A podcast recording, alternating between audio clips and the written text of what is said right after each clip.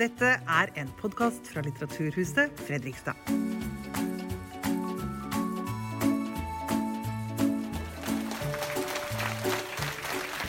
Ja, kjære alle sammen. Hjertelig velkommen eh, hit til eh, Litteraturhuset Fredrikstad og til, eh, til Sakprosafestivalen, eller dokumentarfestivalen Kontrast. Jeg heter Roy Konradi Andersen og jeg er daglig leder her på huset. Vi skal, nå skal vi snakke om Russland og, og Sovjetunionen. 24.2 i fjor invaderte jo Russland Ukraina. Men den krigen starta jo, som dere vet, allerede i 2014. Det er et brutalt overgrep på et naboland, og den krigen kan komme til å vare i lang lang tid. Men hva var det som egentlig førte til at Putin og Russland gjorde dette? Er det noe i Russlands fortid som kan forklare dette angrepet? Finner vi svara bakover i tid? Og hva slags land er egentlig Russland? Sergej Lebedev han er født i Moskva i 1981, da landet het Sovjetunionen. I dag så er han altså 42 år gammel. Det betyr at Sergej vokste opp i akkurat den perioden hvor eh, Sovjetunionen begynte å krakelere. Og så var han ti år da Sovjetunionen forsvant på historiens skraphaug og Russland sto tilbake. Lebedev er forfatter. Han har gitt ut fem bøker og er altså oversatt på tre, til 23 språk. Uh, og han skriver uh, veldig mye om det, nettopp Russlands mørke fortid. Han har eh, gravd i de hemmelige KGB-arkivene og sett hvilke grove forbrytelser som regimet har gjort mot egen befolkning.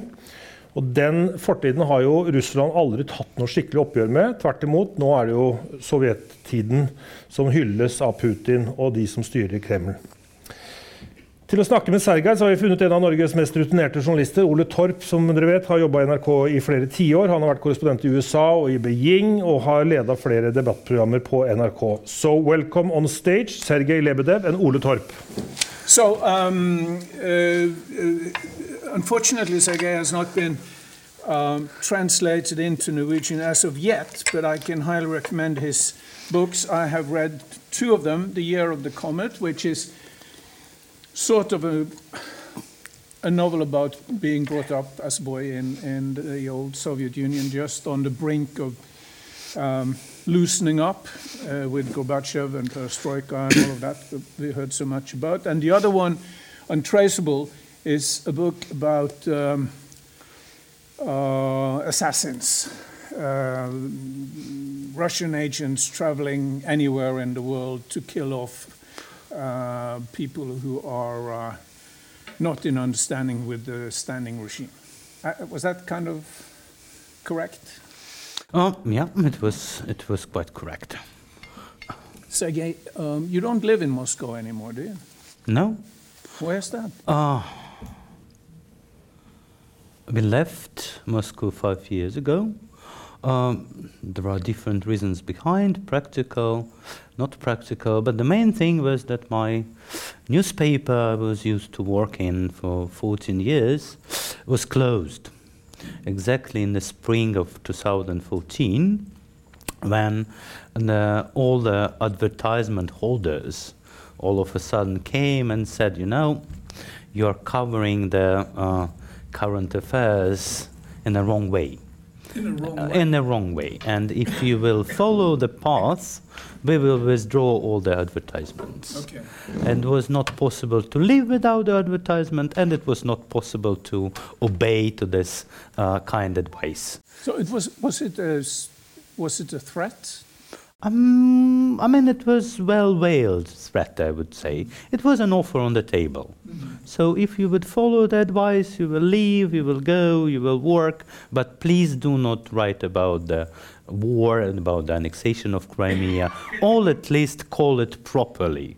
The reunification of Crimea with the Russia. Okay, and you didn't want to impose that kind of um, self um, censorship on yourself. Yes, we just decided within the editorial that we will not do this. We have a reputation, we have our we have our conscience, and we cannot do this. Do, do, did you receive any personal threats? Uh, I did, but many, many years ago as an investigative journalist.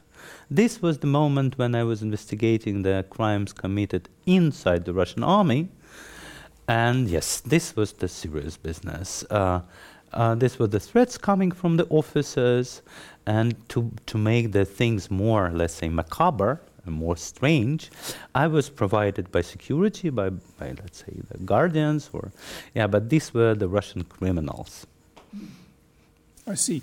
So uh, when you when you were reporting as an active reporter for your newspaper, you were reporting on crimes committed by the Russian army. By the Russian army, by the In Russian Russia? inside Russia, yes. What kind of crimes are we talking about? Oh, my major case was uh, in 2003, 20 years ago. It was the moment when Putin understood that Russian army is uh, performing badly in Chechnya, and he decided to bring back the compulsory military training in the schools, as it was in the Soviet Union. Uh, and it was a shot uh, for two hares, because the second goal was to employ all the officers who went through Chechnya, who had this terrible combat experience, and then they were lost like in the normal life. So he decided to them to be the instructors of this, mili- uh, of this military training in the schools. Kids. For kids, I mean for teenagers, I would say. And immediately after this was introduced, my, one, one of the, these teenagers was actually exercised to death, let's say. So uh, the training was so harsh that the kid just died because of this training. And I went to investigate this. Uh, and then I saw, I found the reality of the Russian army because all the officers stood very firm to protect one of their own. They faked the death certificate. They pretended that the kid died of the heart attack. And all this went up to the Ministry of Defense. All this went up to Putin himself. And exactly in this moment, I started to, to receive the threats from the from the military. That I mean, you know, this type of the call you receive that it it would be better to you to not to pursue this this stuff. That's when when you understood that it would be better for your health to leave the country. No, it was 2003. I stand in the country, and I finally got this person convicted. Oh, good. good. No, this is. Sometimes journalism works. I mean, journalism worked in Russia, I would say, until 2010, more or less. Okay. Uh, journalism worked in a special cases, but when Putin really came back to power in 2012, this was the end of investigative journalism as a tool to improve something. It was still possible to report, but without any practical result whatsoever. Um, we'll get to the archives in a moment, but I would just like you to uh, um, to tell me: is there uh, a similarity between the way the Putin regime now is working and the regime of the Cold War? Uh, first of all, it's the mindset. The whole uh, ideology behind the current regime is exactly uh, the mindset of the, of, the, of the Soviet Cold War times, when the uh, uh, struggle with the West was presented as the main main uh, problem and the main threat to the Russia, and and when all the nationalist movements among the Soviet nations were supposed to be the same kind of a threat inspired by the Western influence.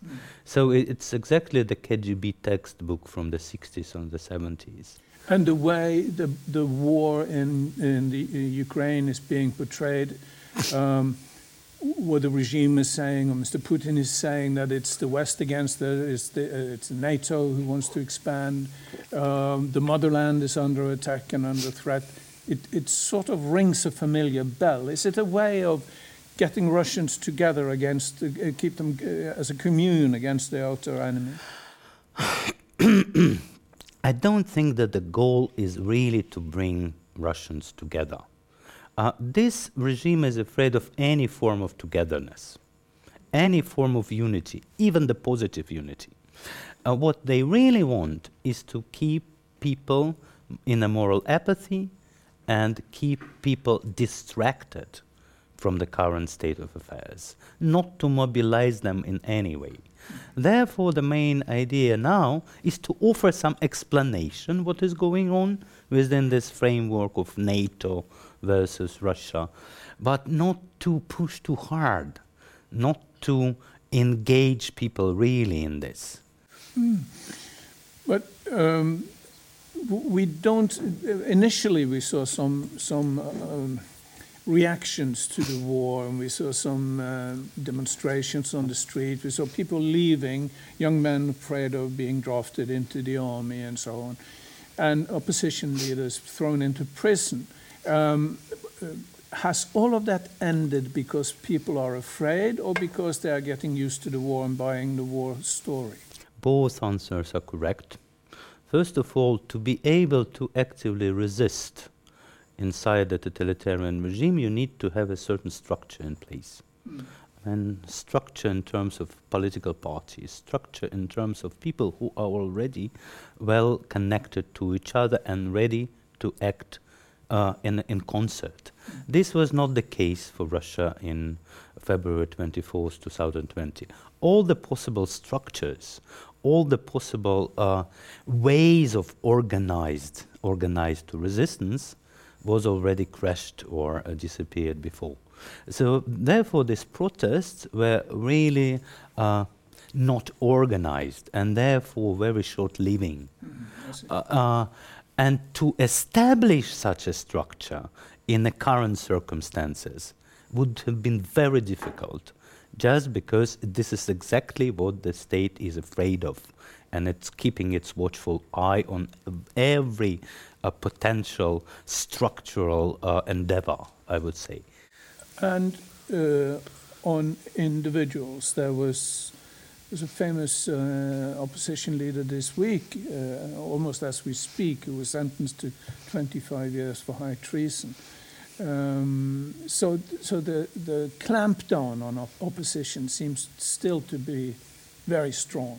Uh, I mean, we are talking about Vladimir Kara-Murza, who was the rare example of quite a, let's say, strateg strategic thinking.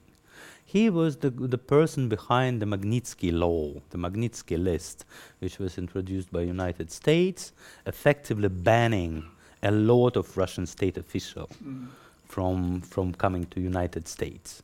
So he was the person who understood how the organized response should look like. And the judge who was appointed to his trial was and still is exactly the person from this Magnitsky list. So the judge was given the very clear chance to revenge on the person who uh, who uh, put him under the sanctions. And you can, but you cannot explain this 25 years only by the revenge of the judge. In this case, the judge really just stamped the, uh, the sentence given from above.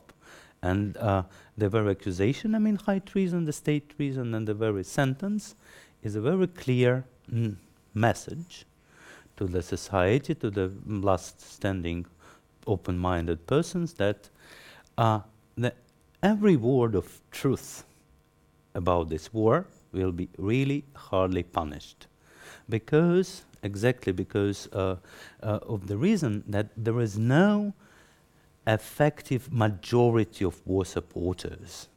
Right. There is a sleeping mass of, uh, mass of people who are in a state of hibernation, I would say and they are neither pro-Putin nor pro-Putin. They follow the ritual, they follow the pattern, they express this support. But what is going on in really in their minds, nobody knows. And the state is afraid that some spark and provoke them. So, so uh, uh this is speculation, merely speculation, yeah. but are you saying that there is a, there is a sentiment, a subdued sentiment of obedience in the in the Russian people uh, that whoever is in charge, be careful not to criticize him? Uh, uh, I mean, it's it's more maybe more complicated. It's about the uh, strategies of living, strategies of coping with the things. One of the worst things we inherited from the Soviet Union in, in, tem in terms of behavior is how we as a people react to the conflict, to the conflict with the state, for example. even the best people in the Soviet Union, even we are not talking about the dissidents, but about intelligentsia, they were avoiding conflict. They were trying to hide themselves, to find some secure zones within the Soviet system where it was possible to live and act uh, freely, but they never challenged the system face to face. So, what I'm talking about, we are very good in avoiding, in hiding, in playing hide and seek. And this is, this is the problem because there are really some situations in life when you should challenge the state face to face. But there is no role models, no experience, and even I would say no understanding that this is the case. And when the when the juridical uh, judicial system does not even work either, as we saw in that case you mentioned. In one of your books, I think this is the last one, or maybe the second last one, The second Traceable, about po- poisonous uh, agents uh, from Russia. There is a, there is um, a lot of stories about people being poisoned, and it rings very true to uh, true stories, very close to true stories from Salisbury in England and other places. And um, and there is, um, uh, of course, in addition to that, we have this funny uh, tendency in, in Russia that people fall out of elevators and uh, verandas and high rises ho- hotels. So it seems like there's something going on there. But there is another interesting story in this book about a priest. And, and we're getting to your, uh, your archives now because I, I understand that you and your wife uh, has been traveling both in Lithuania and in Ukraine to study the old KGB archives. I mean, uh, the archives are find out about mm, methods. their archives are old, but KGB people themselves and their methods are still quite alive. Yes, the the thing is that if we are going into the history, into the archives of Russia, uh, the Stalinist period is accessible within Russian Federation. You can get some information about it, even though there are a lot of artificial obstacles which prevents researchers from going deeper. You have to have a special clearance. Uh, not, not only. For example, in the archive of the Federal State Security, where a lot of files are kept, you cannot make copies.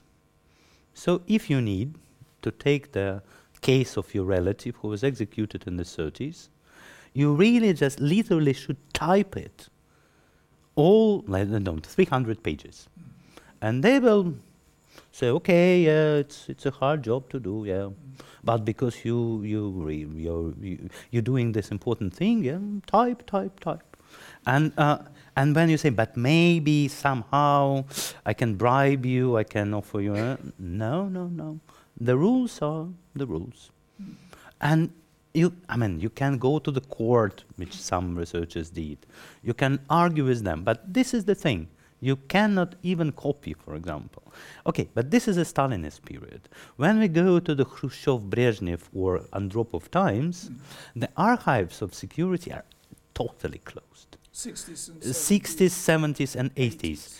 There is no way to obtain the single document. They are all still classified. But there is a backdoor because the Soviets, of course, the system was very centralized, and they sent the same documents, instructions, and orders into the every occupied republic. Ah, the bureaucracy. Uh, bureaucracy helps in this case. And therefore, in Lithuania and Ukraine, where the archives are declassified, you can get some insight really how the system of the social control worked. And this is a very important insight. Give me an example of what you could find in Lithuania or, or the Ukraine. Uh, okay, you can find. mm, um, Would you find files on special people? Yes, you can you can find files on special people, uh, and uh, you can in these files you can see the whole variety of methods used against these people.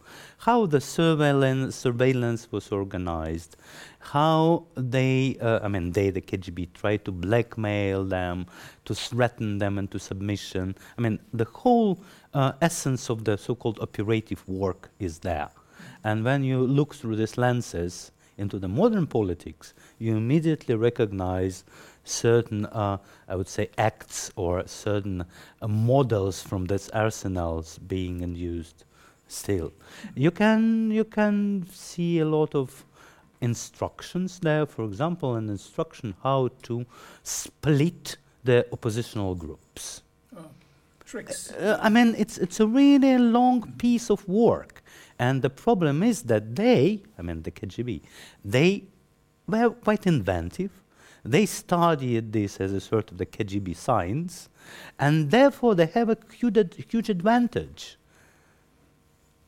Uh, and they are prepared to, s- to split and dissolve, to blackmail. While we, as an oppositionals, we, we, we, we, we never knew anything about this, how it is done.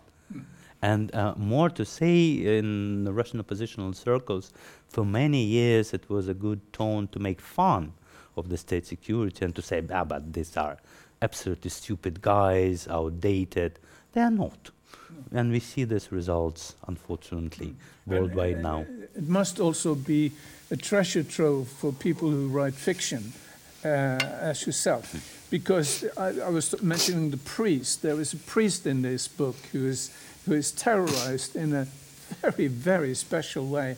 And I need you to tell me about him. He's, a, he's a, an East European. I mean, I, I pitched this. I pitched this case in the archives of the Stasi. I mean, of the. So it's, it's based on I- a I- true. it's based on a true story from the GDR Mhm. secret police files, and uh, military, uh, no, no, no, no, no, the the political, political, political secret police. Um, uh, and the, the, the church, the Protestant church in GDR, was sometimes hosting the youth groups, not, not the religious ones, but just the youth groups whom they allowed into the premises to have their discussions. And once upon a time, the German, East German priest who was hosting such a group received an offer from the Stasi to inform on these youngsters. And he refused, as a lot of other people He refused. refused. He refused. Yeah, he said no. And then very strange thing started to happen with him. Once upon a time, he woke up in his in his house, and then it was the doorman ringing, and the person brought him, I think, 40 cakes. Cakes. Yeah, just the delivery guy who said who brought 40 cakes and said, "It's it's it's an order you made." He said, "I never made any order for the cakes, but he said, here is the paper, here is your name, money is paid, so take your cakes and be happy." Okay, he took these cakes, distributed them into the into the community, and he said, "Okay, okay, mistakes happened." But the next morning, it was the next ring. And then another delivery guy came and said, you know, this is your order. And it was, I don't know, uh, tomatoes or what's. So they started every day to bombard him with bizarre things. As I described you, they started with, uh, with the uh, material, uh, soulless objects. Then they started to send him, for example, 50 parrots Parrots. parrots in the cages and the food for the parrots. Uh, all the local people understood that something very strange is going on with this priest. They distanced themselves because this was unexplainable. He was not a figure on the scale of the whole Germany. He was just a local priest in a small church. And nobody believed, actually, that the Stasi will go so far to intimidate just, just this small priest. But I mean, 40 cakes is not very scary uh, to have delivered on your door, and 40 parrots, not so. But was it, was it a trick to make him feel uneasy? I mean, you cannot stop this, and you cannot understand what is going So on. you look. Um, no, it was three months, and they went to the real extent in this. They were sending him television sets from the West. They were sending, I don't know, coal, instruments, whatsoever. And I mean, he, he became mad. He totally lost control of his own life. And then they switched to another trick.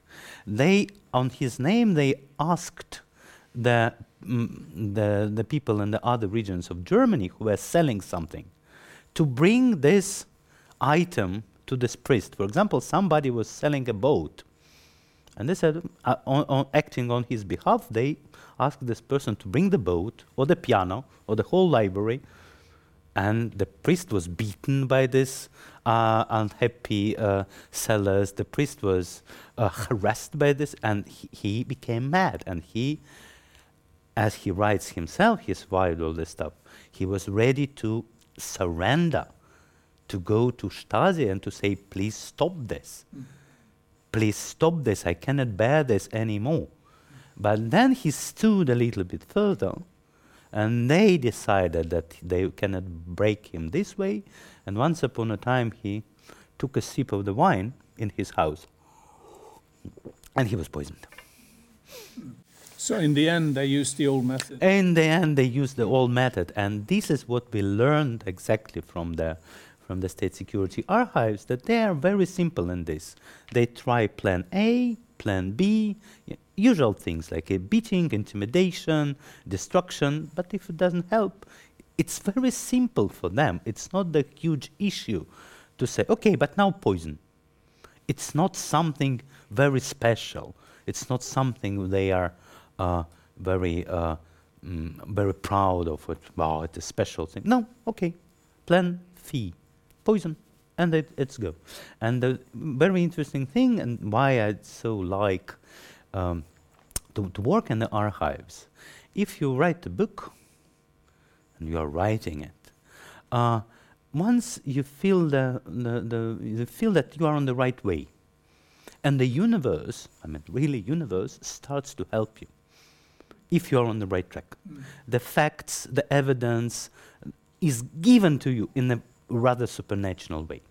Because we went to this Lithuanian archive and they had these personal files of people who were uh, harassed by the KGB, but all the operational files were under the pseudonyms like Orpheus or I don't know who, Antonius, or whatsoever. So you do not know what is in the file until you open it.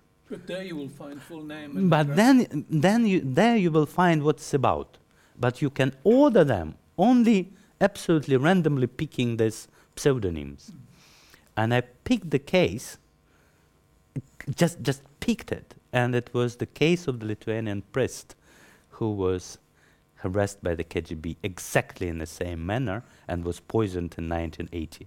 So all of a sudden, the universe brought me this evidence and they left this case in the archive because they, they supposed it to be the you know the school book for the next generation of, of their own officers. I see. So, so is it is it reasonable to believe then that this is still going on? Absolutely reasonable. And as I told you, uh, it's more reasonable when you see how easy they switch from the normal intimidation into the operation with these highly toxic, toxic substances. They simply m- place an order to Moscow. Please send us a team of two with the substance N. And that's it. We are going to kill somebody. No, we are going to imply the special operational Oh, measures. They have a very special language in this. There is no reality. It's all about uh, code names, special names. It's, it's, it, they keep the secrecy even within their own very secretive system. Because there is a conversation in this in this book again that Yeah. I very much admire, both for its writing style and for the, the thrill of it. it how the, the two operatives, when they're driving somewhere in Germany, are suspicious of each other, and they both know that the other one is going to tell what I said if I say something wrong when he gets back. Uh, so it's absolute paranoia between the operatives in the in the uh, in the secret police. Yes, and I would say that we have the, we unfortunately we have the secret operative as a president, and you can see what this professional paranoia can make with the person and How with the world. How important is that, do you think? Huh? How important is that, do you think, that Putin was placed in, in, uh, in Germany as, a, in, in, as an operative of KGB? I mean, maybe. For his mindset today. Maybe it's not extremely important that he was placed exactly in Germany, but his background as a KGB people, person is extremely important. Uh, uh, I would, mm, I would mm, only say that when you really go through their textbooks, and their way and their ways of tr- training, you can see that they are different, different breed of people. They are indoctrinated on an unprecedented scale, and their worldview and their explanation of how the politics is going on is extremely affected by this. You, you call it the creativity of evil or something. I, it's not just about the creativity of evil. It's it's it's about the um, very specific way to look on the things and human beings. For them, professionally, nobody represents itself. S- everybody who is acting somehow, rebelliously, for example, is being masterminded by someone behind. There is no uh, independent actors. So NATO could behind you. Behind me, now. me- Yeah, Yes, yeah. exactly. Yes, and exactly I because of that. and and exactly because of these, while I was still in Russia, I was quite frequently accused of writing my books on behalf of the West.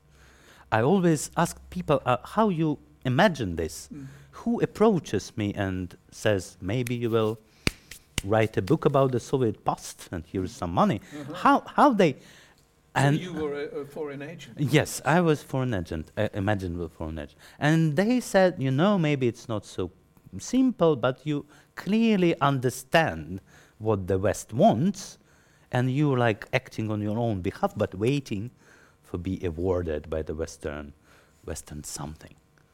And this, I mean, coming back to Putin, this idea that, for example, that the people of the certain country cannot revolt and cannot overthrow the government just on their own behalf, it's always organized, it's always masterminded by somebody bigger. This is the problem. This is exactly how he'd seen the first Maidan in Ukraine. It's not the Ukrainians who are against this corrupt and uh, Russia friendly government. It's the West who conspires against Russia. And for uh, Ukraine, there is no place for Ukraine in the scheme. Mm, So then You- you can say they're Ukraine is only a tool. they're all neo-Nazis. or the so fool, We should, yeah. We should go in and help the real. Uh, Yeah, and therefore, Ukraine does not exist Right. as a subject of its own fate. It's only a tool of deception, and they are being fooled by the West.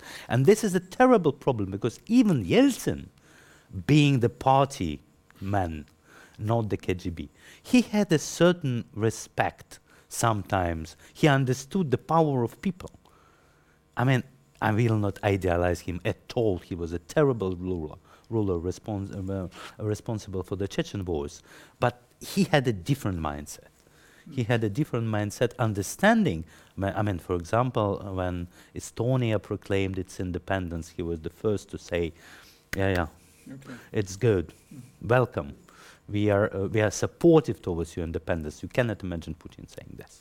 But there are stories about Putin not fully grasping the situation that he has, I should say, put himself into with, with the Ukraine war. Is it true, do you think, that he, uh, that he has a very limited um, knowledge about how the West is thinking uh, about, about the war? Was he, was he surprised of the weapon deliverances? Was he surprised of the moral uh, support that Ukraine got when he when he uh, decided to invade? I think that the, the, the, the, the most important surprise for him was the Ukrainian ability to resist. Because uh, the willingness. Also. the willingness and ability, I mean, the unity of people. Because we spoke with you about uh, the, che- the first Chechen war, 1994, when Yeltsin ordered Russian troops to go to the Chechnya. All the Russian top military brass was saying one thing they will surrender in three days. They cannot resist this Russian army. Even though Russian army just several years before retreated from Afghanistan, where it was defeated by the guerrilla fighters, they still was on the same course.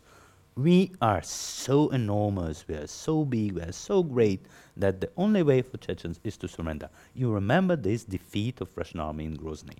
It is exactly the same thing what happened in Kiev. The Russian army went in these long columns, expecting no resistance, and was humiliated and defeated. And the same arrogance, the same disbelief in other nation being a nation it's just in place. It's very simple. It's not about the, you know, he never thought about the subsequent uh, reaction of the West because he saw that it will be ended in three days and there will be no reaction from the West or it will be too late to react. Yeah, uh, but uh, Putin started the uh, second Chechen Yeah. war, Chechnya. Um, and he managed to portray it, uh, paint it as a war against international terrorism. Yeah, but it was the different international context. It, he was very successful salesman. That's what, I'm- but that's what I'm aiming at. Yeah. Did he?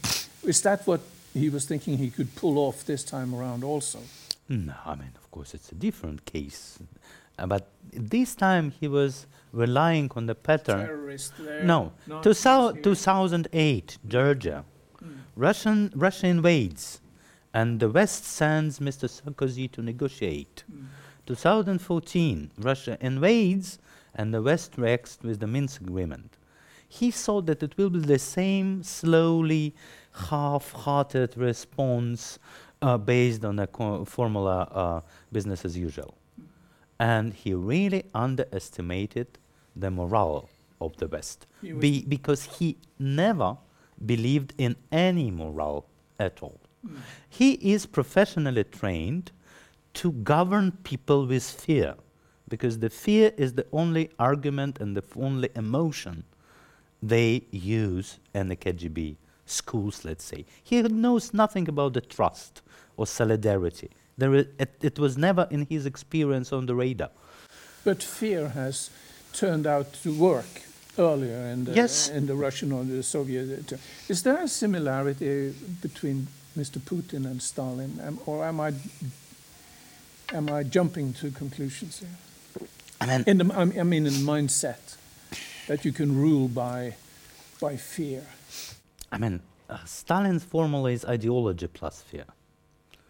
Uh, and the Putin's formula is fear without any firm ideology. They are a little bit different. But if we will come back to the, to the winter, uh, the very language Putin used to intimidate the West and Ukraine was very familiar and very resembling the Stalin's rhetorics. Because uh, what is the camp, uh, I mean, the concentration camp, the Gulag camp is about? It's about the calories. You rule the people uh, regulating the quantity of heat and the quantity of food. It's all about the calories. And the rhetorics of this winter, coming from Russia, was also just focused on the calories. We will freeze you, we will freeze Ukraine, we will freeze Europe, and we will undermine the world security regulating the food coming from Ukraine. So he is really in more or less in the same mindset as the Stalin was, and it's it's it's quite a dangerous Traditional thinking. traditional thinking. Yeah, Um, you've been to those camps yourself, I've been- haven't you? The Gulag. I mean in the remnants of the. in the remnants of the Gulag. Tell me about that. When you when you were like your parents, a geologist by training, before you were a journalist, or at the same time, I don't know. Um, you you went to those camps where people were uh, sent to slave camps. Some were sent to die. Uh, and there is a story that you told. I have to admit, Sergej told me this story earlier today uh, about the beer camp, uh, which I thought was, uh, in lack of better words, uh, very interesting. and I think maybe this audience would uh, would appreciate it also. Now, but this story is related to my to my parents, and to the to the fact how how the information was uh, distributed within the within the Soviet Union. Let's say, okay, this this is uh, as I told you, in in my Soviet childhood in the 80s, within the family, within the friendly circles, there were no talks about the past of the Soviet Union. But all, all, all these people were geologists, and they started their careers in the early six- 60s, just exactly in the moment when the Gulag camps were closed. So they witnessed the very last moments of the Gulag alive. Um, and one of the stories I've heard was of the story about two young geologist specialists coming in a remote village in Siberia. Uh, and all of a sudden they understood that the bears are uh, plundering the outskirts of this village and coming with the disturbing uh, frequency for some reason. And they asked the locals what's going on, why you cannot scare these bears off, for example, shoot one and then the others will, will get away. And the locals were hesitating what to say, but then they explained that several years before there was a camp here, and the people who were executed in the camp were thrown out, uh, and they were buried, but very uh, not, not so deeply in the in the in the soil. So the bears became the cannibals, and they were passing this knowledge in their bear generation. So they came for food. So they basically came for The food. Uh, yeah, and uh, this is a little bit of, of an image of how the heritage of terror can outlive the terror itself. So when I came to those places in the, uh, in the midst of the 90s, I was 15 years old. This was supposedly the new Russia. And I never thought that these camps, which I read about, physics still physically exist. I thought about the Russia's north a little bit in terms of Jack London as the wilderness, as something uh, uh, pristine, immune to the civilization. But then the tele- helicopter took off from the remote airport, and we started to fly over ta- taiga, and all of a sudden I understood that there is no pristine taiga there. There are some remnants, some old roads, li- a little bit like you are, you know, in a boat overlooking the Atlantis on the bottom of the sea, sort of the ex- extinguished civilization. It was a scale of civilization. And I asked the second pilot, what the hell is this? Look at me. Это лагеря, it's the camps. And then I realized that I don't know my country at all. And for eight years, I was working exactly in these territories as a geologist, by wit- but witnessing every day these remnants, ruins left for oblivion because the camps were not replaced by some other type of settlement. And they were not torn mm. down. They were just left, just left, and the northern climate took care of them. But you were not there to, to witness or to, to study uh, human rights violations or anything like that. You were there for the material. The I, I was there for the ge- for the geological specimens for the minerals. But when you every summer go somewhere, uh, it's like really it was a different country. And I said to myself, you have the Russia of those who are alive, Russia of the living ones, and you have the Russia of the dead. And this Russia is remote on the north and on the east. And these two countries are not well connected. They do not know about each other. And uh, even being 15, 16, 17 years old, I felt very strangely that I'm witnessing something. I had the status of witness. You could even walk into the to the mines and Yeah, I mean- almost feel the same air. I mean, you, you can walk into the mines and understand how hard this labor was. Mm. I mean, you can understand the conditions. Sometimes it was possible to, I mean, some, some mm, abandoned cemeteries were uh, given up by the permafrost, for example. And yeah, poetically speaking, when the mines were closed, they switched off the ventilation. And deeply inside the mountain, it was still the air of the 60s, not connected to the surface. So it was possible to inhale it. Some things never change. Some things are kept like, like a message in a bottle. Mm. But I mean, your own family has been deeply affected by the travesty of the Soviet Union and the, and the old regime. Um, how many? How many? Be, partly because your family consisted of priests and nobility and German ancestry, and Um, uh, and so your family was persecuted um, even from the Tsar time? In the family album, which somehow survived, we have a photo made June 1914. It's the photo So th- three mo- two months before the, uh, the First um, World before War. the shot in Sarajevo. Mm. Uh, it's a photo of, I don't know, um, around 40 people standing. Some of them are in the military uniforms, some in the civil uniforms, women, men. This is what is called the big family. Uh, a lot of them are pretty young, in their early 20s, let's say. This, is, this was the family before the World War One. And in the left angle of the photo is my grandma, who is six years old. She's barely visible. It's like she's a ghost, and she's she's. You will not recognize her. You, uh, if you if I will not show you. Okay, do you see the small figure? In 30 years, in 1945, she will be the only person alive among all these depicted in the photos. And she will be only survivor and the only bearer of memory. The only person.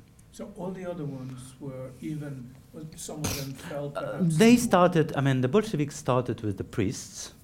The, all the priests, I mean, like five or six people, were uh, arrested in the early 20s, sentenced to small uh, uh, amount of uh, years, like three, four years in labor camps, sent to the north, but then retrialed then there, retrialed again, and executed in the late 30s. So they never returned ho- even though officially, in initially, they were sent for three or four years.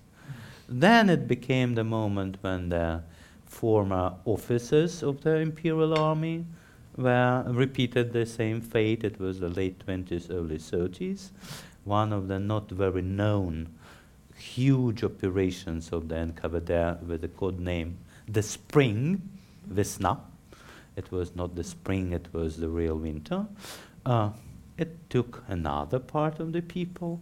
Then those of German and Polish origin or Polish German roots were executed. And then in 1937 38, the majority of others.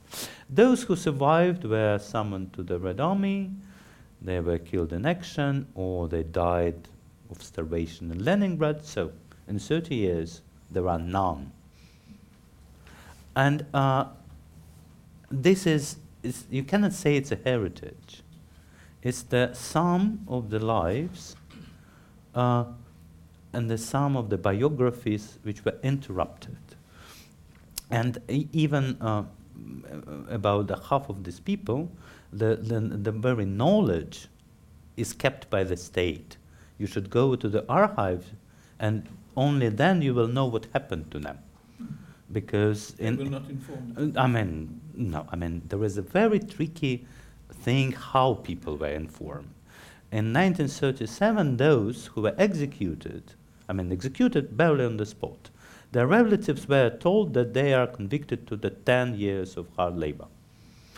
Uh, and for many, many years, these relatives were waiting some signal from their beloved ones, believing they're alive.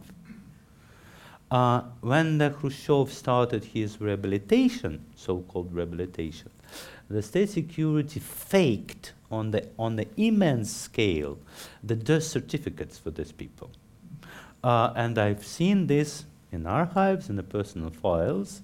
So the person initially was arrested in 1937 in September, accused of being Japanese spy, for example, and executed in November 1937. In 1954, when officials are uh, trying to understand if he should be rehabilitated or not, the relatives received the official letter that he died of pneumonia or something in 1943. So even in Khrushchev time, it always was fake. And only when the archives were opened in the 90s, it was possible to get to the real truth what happened. And you should go for every person of this in a different archives and nobody is willing to help you. I mean, the state is not willing, the Russian state, it was not willing to help you in this search. So there was a little crack in the in the darkness in the 90s, in the early 90s, and now it's it's uh, getting dark again. Is what you're saying? Uh, uh, in the early 90s, it was just simply easier in terms of a procedure to go to the archives. It was a certain, something was in the air. There was less obstructions. Yet now, of course, you can go and you will get this file of your executed relative, but they will do everything to prevent you from coming again. Everything. Every, I mean, not everything, but they will apply every bureaucratic measure uh, to keep you out of the archive.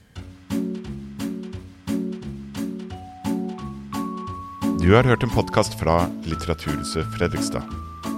Vi er støttet av Kulturrådet, Fritt Ord, Fredrikstad kommune, Fredriksborg Eiendom, Viken fylkeskommune, Sparebank1 Østfold Akershus, Verksted AS, Fredrikstad Energi og Handelsbanken.